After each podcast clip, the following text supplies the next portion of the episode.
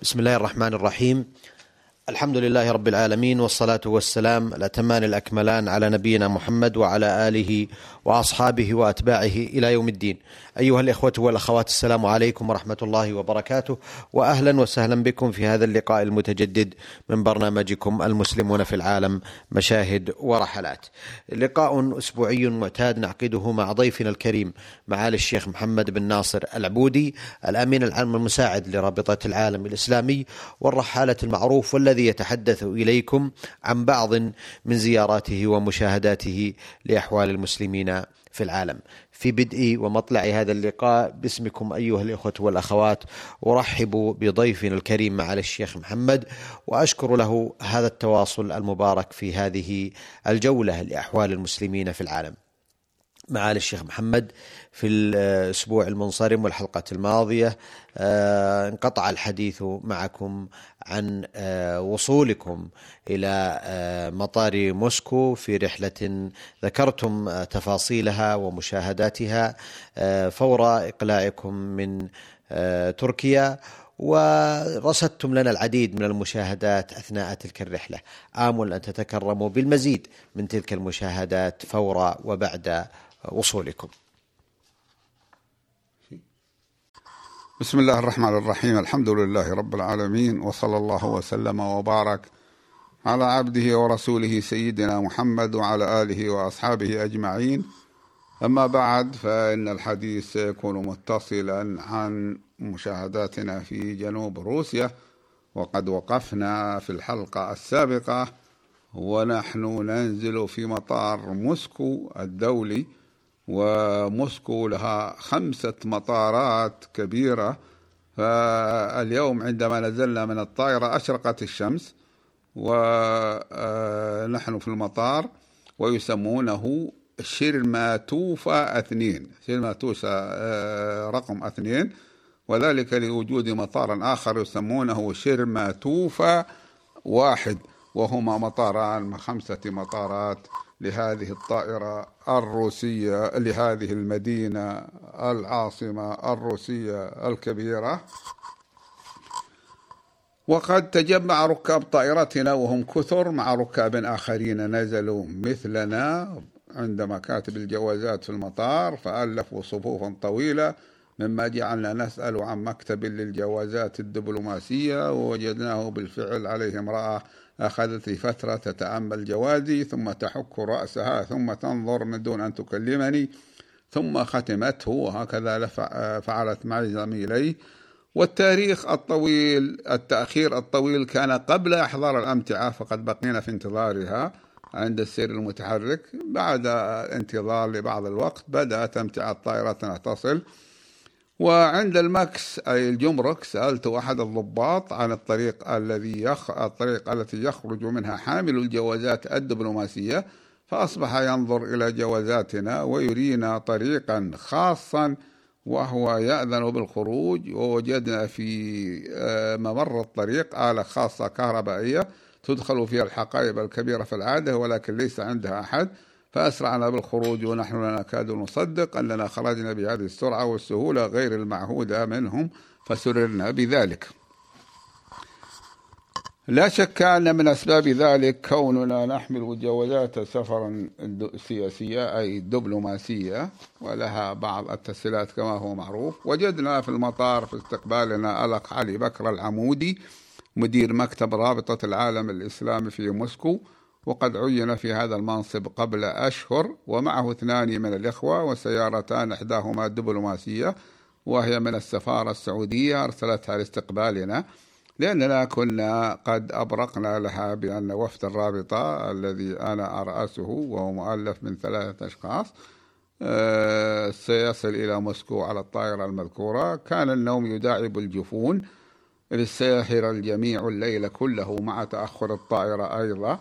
فقصدنا فندقا كنا نزلنا فيه في العام الماضي واسمه كوزموس بمعنى الفضاء أو الشرق والفضاء الحقيقة مهم جدا بالنسبة إلى روسيا لأن روسيا ركزت على إرسال أول إنسان إلى الفضاء الخارجي فسبقت الولايات المتحدة بذلك. ثم بعد ذلك انتبهت الولايات المتحدة فتسابق فسبقت الولايات المتحدة سبقت روسيا في هذا الميدان لأن إمكاناتها أكثر كما هو معروف.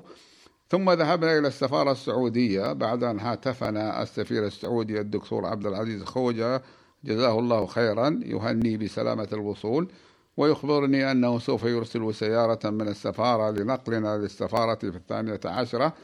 وذلك للقاء للقائه اللقاء به والاجتماع معه ثم أداء صلاة الجمعة في المسجد داخل السفارة. وجدنا الموظفين ينتظروننا عند باب السفارة ومبنى السفارة جيد من الداخل فكانت جلسة مع السفير الدكتور عبد العزيز خوجة. الدكتور عبد العزيز ابن محي الدين خوجة وهو أديب معروف له دواوين شعرية مطبوعة.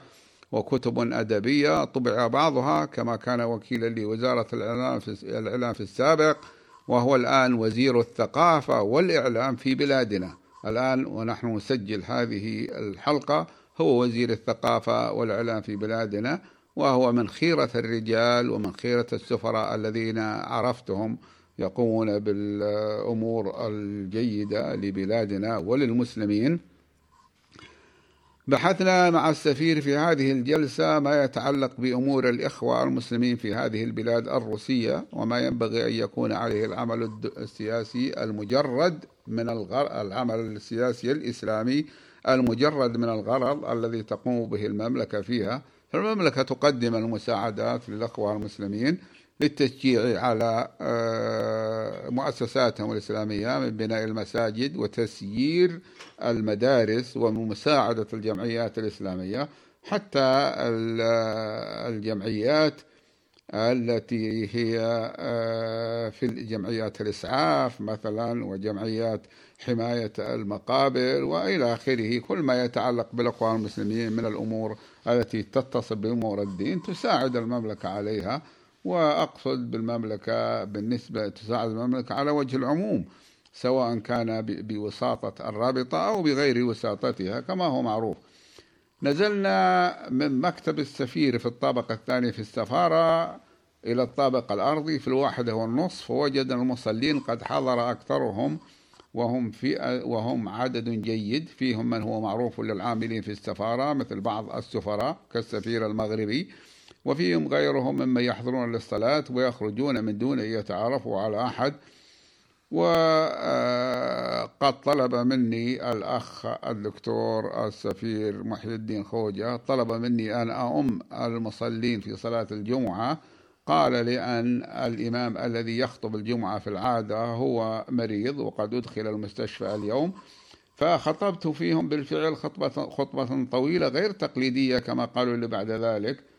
ودارت الخطبة حول العلم الذي علمه الله بني آدم وأنه قليل في علم الله كما قال تعالى وما أوتيتم من العلم إلا قليلا ونعرف ذلك من استعراض ما علمه الله الإنسان آه، في العصر الحاضر بالنسبة إلى ما كان علمه إياه قبل قرنين أو ثلاثة من السنين. وما يزال الإنسان يعلم ما لم يعلمه من قبل. ومع ذلك فإن ذلك كله قليل من العلم الذي يعلمه يعلمه الله. واستشهدت على ذلك بالأحاديث الواردة في أشياء لم يعلم العلماء القدماء معناها ولم يستطيعوا تفسيرها في القديم لأن ما علموه من العلم لا يسمح لهم بذلك مثل الحديث الذي في صحيح مسلم. لا تقوم الساعة حتى تهجر القلاص ويروى القلائص والقلائص جمع قلوص وهو البعير المركوب والمراد بذلك الإبل. وقد قال النووي في شرح مسلم في الكلام على هذا الحديث هذا الحديث ليس على ظاهره. إذ كيف يحج الناس إذا هجروا الإبل؟ وعلى ما يغزون؟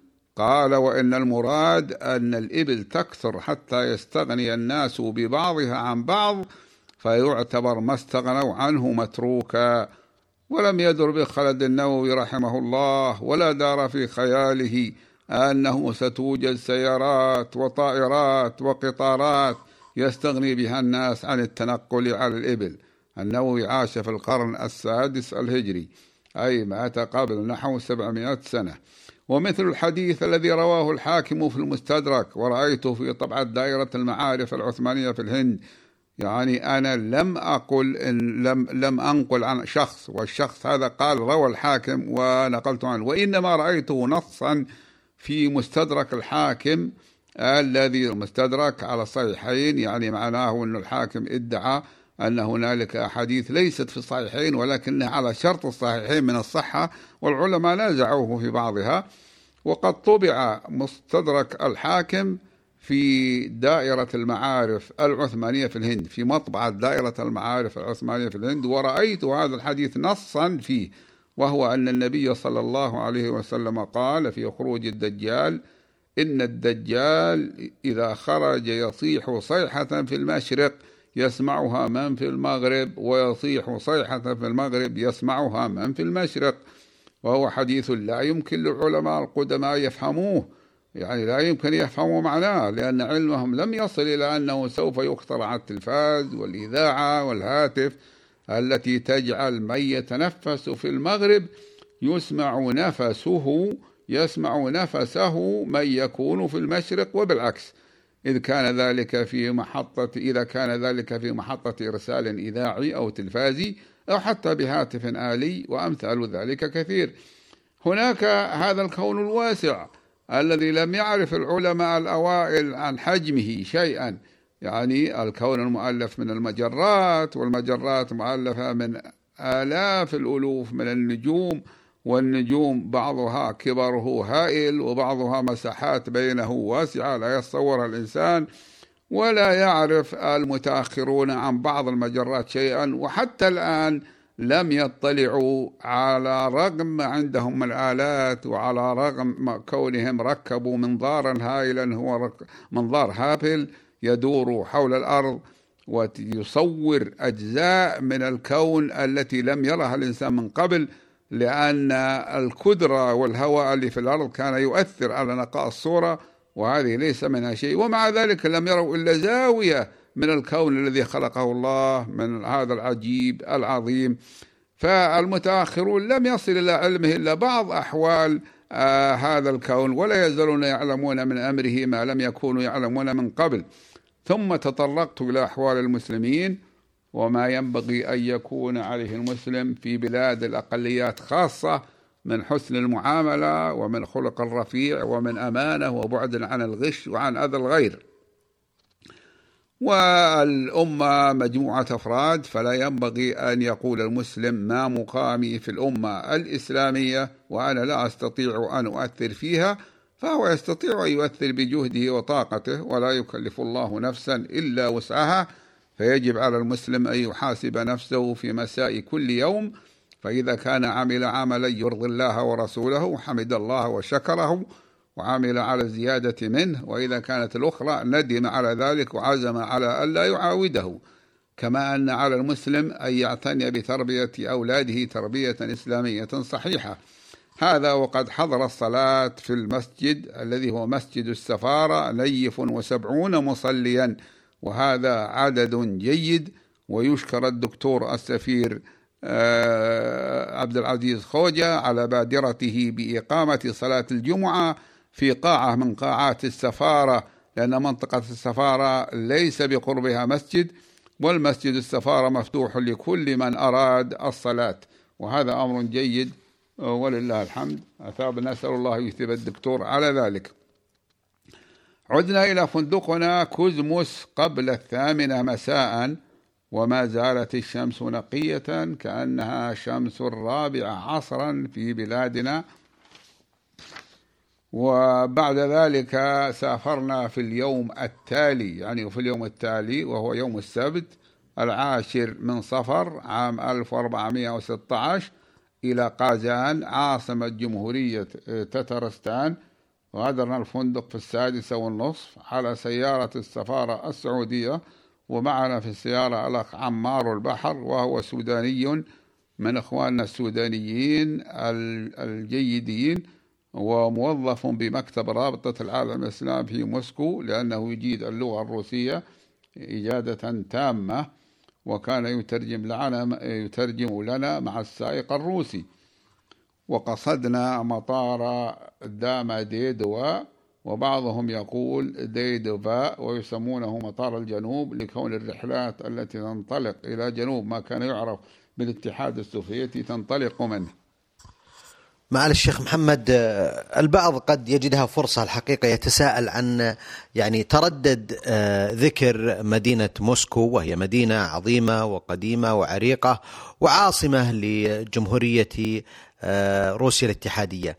هل لديكم معلومات تاريخية عن موسكو وعن تاريخها القديم يعني تاريخ تأسيس هذه المدينة؟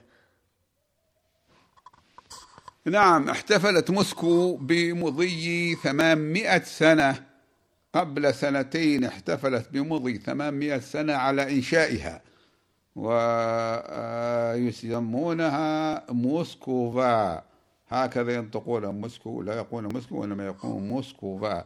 لكن من الطريف في موضوع المقارنة أنه كان فيها نهر صغير كان يكفي المدينة عندما كانت صغيرة ولكن عندما كبرت وصارت عاصمة الاتحاد السوفيتي لا حتى قبل عاصمة الاتحاد السوفيتي يعني في أوائل الثورة الشيوعية أو بعد أوائل يعني في زمن الشيوعية الأول وجدوا أن نهر موسكو لا يكفي. فمن أين لهم الماء الذي يمولون به المدينة طول السنة؟ فكان أن عملوا عملا هندسيا بأن سحبوا ماء من نهر الفولجا الضخم العظيم الذي ربما يأتي الكلام عليه أثناء الحديث عن قازان لأنه يمر بمدينة قازان ويسمى بلغة أهل البلاد من المسلمين وغيرهم يعني البلاد التي هم أهلها في الأصيل في الأصل يسمى إيدل وفي كتبنا بالدال وفي كتبنا العربية يسمى إيتل بالتاء وهذا موجود عندنا بكثرة نصوص كثيرة لكن لا يطلع عليها مع الأسف أكثر المثقفين نصوص في الكتب. آه، وأذكر أني ذكرت بعضها في بعض آه، كتبي. أما في روسيا فإنه يسمى نهر الفولجا فولجا وفولجا مأخوذة من نهر بولغار من اسم بولغار لأن أهلها الذين أصبحوا مسلمين والآن يسمون آه، التتار كان نهر الفولجا يعتبر نهرا لهم لأنه في بلادهم وليس آه، محاد لبلاد الروس الأصيلة القديمة يعني لا يصل إلى موسكو. فسحبوا بطريقة هندسية صعبة مقادير من المياه من نهر الفولجا ونهر الفولجا هذا من أعظم أنهار الدنيا سميته شيخ الأنهار في النصف الشمالي من الأرض كما سمي كما سميته آه، نهر الأمازون آه، سميته شيخ الأنهار في أمريكا الجنوبية ومعنا شيخ الأنهار الشيخ عندنا في لغتنا العامية هو الكبير آه، من الشيء فأكثر الأنهار تأتي آه، في المنطقة هذه تصب في الفلقة في الشمال وفي الجنوب أكثر الأنهار تصب في نهر الأمازون حتى يصبح كالبحر الخضم عليه المواني وتأتي السفن الكبيرة الحجم التي لا تسير إلا في أعالي البحار كما يسمى في أقصاها آه، تسير فيه. أما موسكوفا فإنها آه، كما قلت كانت أسست قبل 800 سنة وسنتين أو 300 سنة. المطار الذي نزلنا فيه هو مطار شيرماتوفيا الذي نزلنا فيه ولكن هذا المطار الذي نغادره هو دامادوفيا يعني كما سبق. ويبعد المطار عن فندقنا بسبعة وثلاثين كيلومترا وتمتد ضواحي موسكو منه مسافة طويلة قبل أن تنقطع قبيل الدخول إليه. في ريف يقع في ريف ربيعي بديع معروف من موسكو في الصيف الذي هو ربيعهم. يعني آه، هم في الصيف مثل الربيع عندنا. وقد نزل المطر أمس فكانت الحرارة عشرين درجة وهي درجة متوسطة جيدة وهو مطار قديم الذي نقلع منه وأثاثه خشن لأنه من مخلفات الشيوعية. فمكاتب الترحيل ليست مما يلي الشارع ولا يسمحون بدخول سيارات الركاب الخاصة بالوصول إليه. لذلك يكون على الراكب أن يوقف سيارته خارج المطار ثم يحمل أمتعته بيده لأنه لا يوجد حمالون. وهذا أمر كان موجودا من عهد الاتحاد السوفيتي الشيوعي يعني عدم وجود الحمالين في المطارات انطلاقا من زعمهم بأن الإنسان لا ينبغي أن يستخدم أخاه الإنسان مقابل دريهمات. فيقولون أنت تخدم نفسك. وقد انعكس هذا انعكاسا سيئا في أماكن قذرة رأيتها في جميع البلدان الشيوعية من الصين إلى بلاد الروس إلى أوروبا الشرقية وهي أن جميع المراحيض أجلكم الله كلها في نهاية القذارة. قالوا لأن الحكومة لا تجبر أحدا أن ينظفها مقابل دريهمات. فيقولون الناس كلهم واحد ولا ينبغي أن ينظف أحد لأحد شيئا ولكن هذه حجة آه، داحضة وهي موجودة الآن في أماكن أخرى. كل الناس تجد من ينظف الحمامات بأجر خاصة أن الحمامات الآن مع وجود المياه. ليس تنظيفها كما كان من قبل تنظيفها سهل وهذا أمر معروف. ولكن العجيب أنهم لا يجيزون للإنسان أن يستخدم أخاه الإنسان ولكنهم يجيزون للدولة الشيوعية وهي مجموعة أفراد متسلطين في زمن الشيوعية يجيزون لها أن تستخدم الناس كلهم بحجة أن ذلك هو لخدمة المجموع.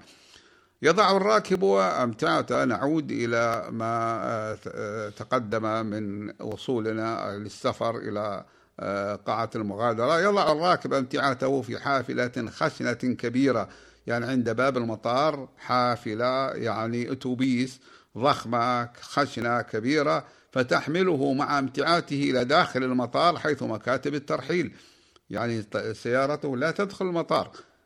إلا أن الوفود الرسمية وذوي الشأن ويعتبرون منهم حامل جوازات الدبلوماسية مثلنا. يجوز لهم أن يدخلوا بسياراتهم إلى داخل المطار ويوقفوها عند المكاتب غير أن ذلك يجب أن يسبقه الحصول على إذن به من الجهات المسؤولة. وقد أخبرني مدير مكتب الرابطة أن السفارة تقدمت بطلب إلى السفارة السعودية في موسكو تقدمت بطلب إلى الجهات المسؤولة بأن يكون استقبالنا عند الوصول عن طريق قاعة كبار الزوار أو ما يسمونهم في آي بي منذ أن علموا بموعد وصولنا أمس ولكن لم يحصلوا على الإذن لقصر الوقت. إذ علموا قبل قدومنا باثنتي عشرة ساعة كما كانوا طلبوا في الوقت نفسه الإذن لنا بذلك من مطار دام ديدوا وذكر ولكن الأمر لم ينتهي حتى الآن لطول الإجراءات وصعوبتها عندهم وليس لامتناع القوم عن الاستجابة لذلك. قصد سائق السفارة الباب المؤدي بالسيارة إلى المكاتب والسيارة التي نحن فيها هي الدبلوماسية ولذلك اعتبروا أننا دبلوماسيون لأننا أيضا نحمل جوازات دبلوماسية ولكن الموظفة وهي امرأة ناصف أي في منتصف عمرها وقفت دون أن تفتح الباب وقد سجل لك حمار البحر ما دار بين السائق والموظفة على الوجه التالي قال لها افتحي فمعي الدبلوماسيون عرب وهذه سيارة السفارة. فقالت أين الإذن لهم بالدخول من الجهات المختصة؟ يعني لا بد من إذن. هذا من التعقيد الموجود في زمن الشيوعية. لأن هذا ذهب آه، مع التاريخ. فأجابها السائق أنه لا يوجد التصريح لقصر الوقت فقد طلبناها أمس. فذكرت أنها لا تستطيع إلا إذا أعطاها شيئا لها فقال نعم أعطيك. علبة حلوى فقالت لا أريد علبة حلوى لعمل قد أتعرض معه للفصل وحرماني من عملي إذا علم المسؤولون أنني أدخلت سيارتكم بدون إذن. فرجع السائق عن الباب وانصرف إلى حيث يدخل الجمهور وهو أمر متعب لنا. فسألنا عن المبلغ الذي تريده قال خمسون ألف روبل وهذا يعادل أحد عشر دولارا أمريكيا.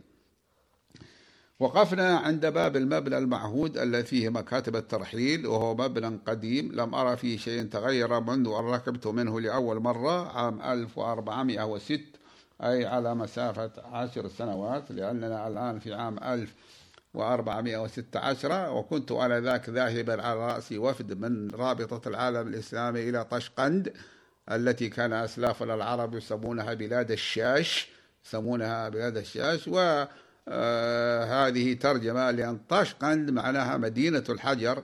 تاش حجر وكنت بلغتهم معناها بلدة أو قرية فمعناها آه بلدة الحجر بلدة فأسلافنا العرب عربوها ببلاد الشاش وهي الآن عاصمة جمهورية أوزبكستان.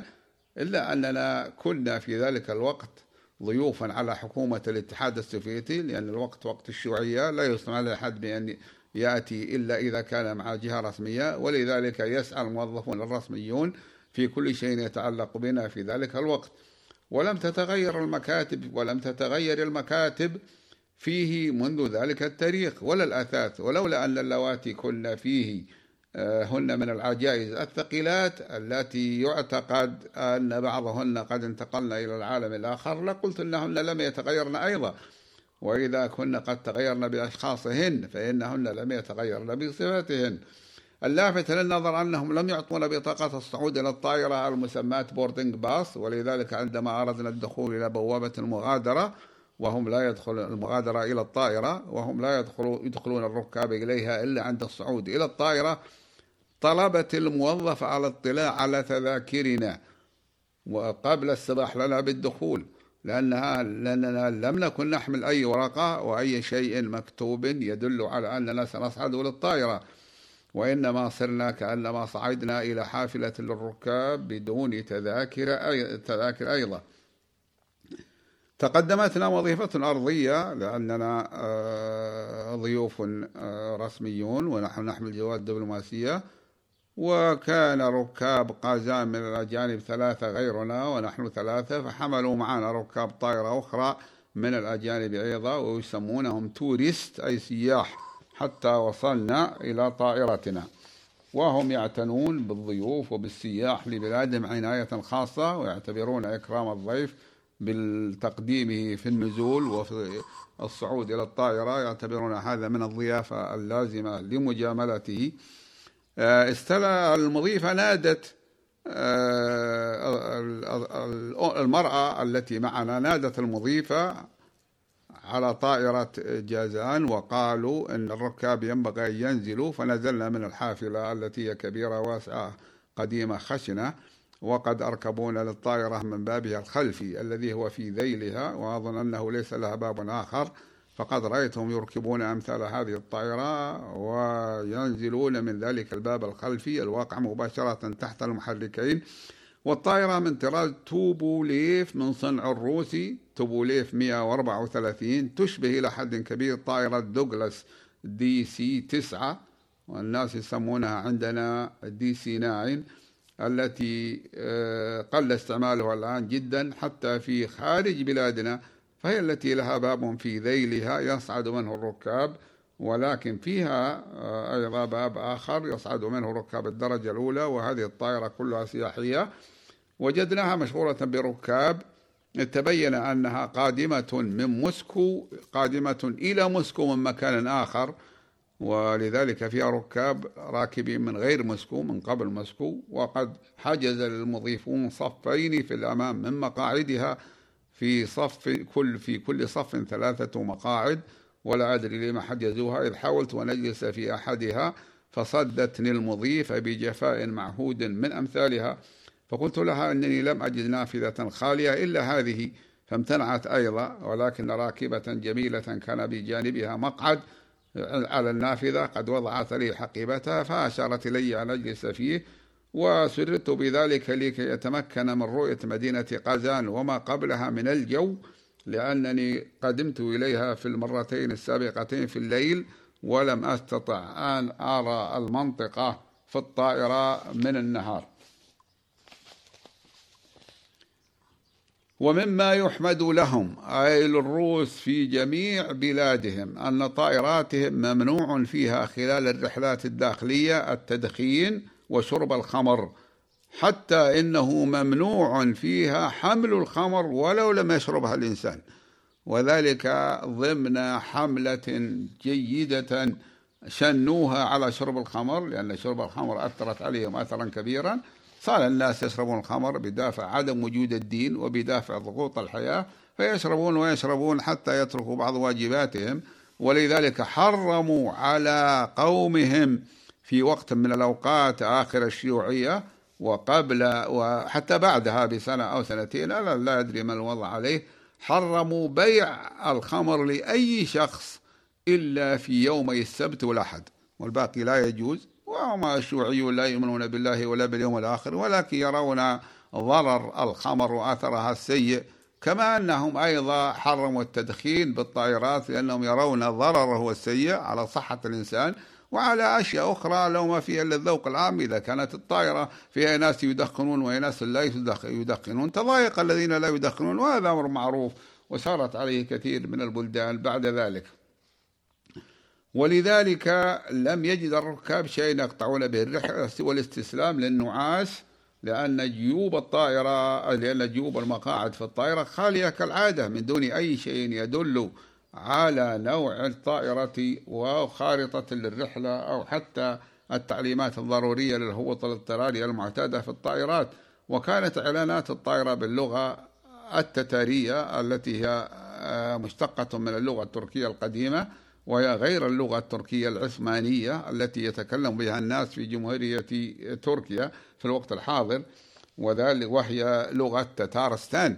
يعني هي لغة الجمهورية التي نحن ذاهبون إليها. ولو صح تصنيف اللغات إلى إسلامية وغير إسلامية لقلنا إنها لغة إسلامية لأن أهلها جميع الذين يتكلمونها هم التتار وهم مسلمون معروفون بذلك.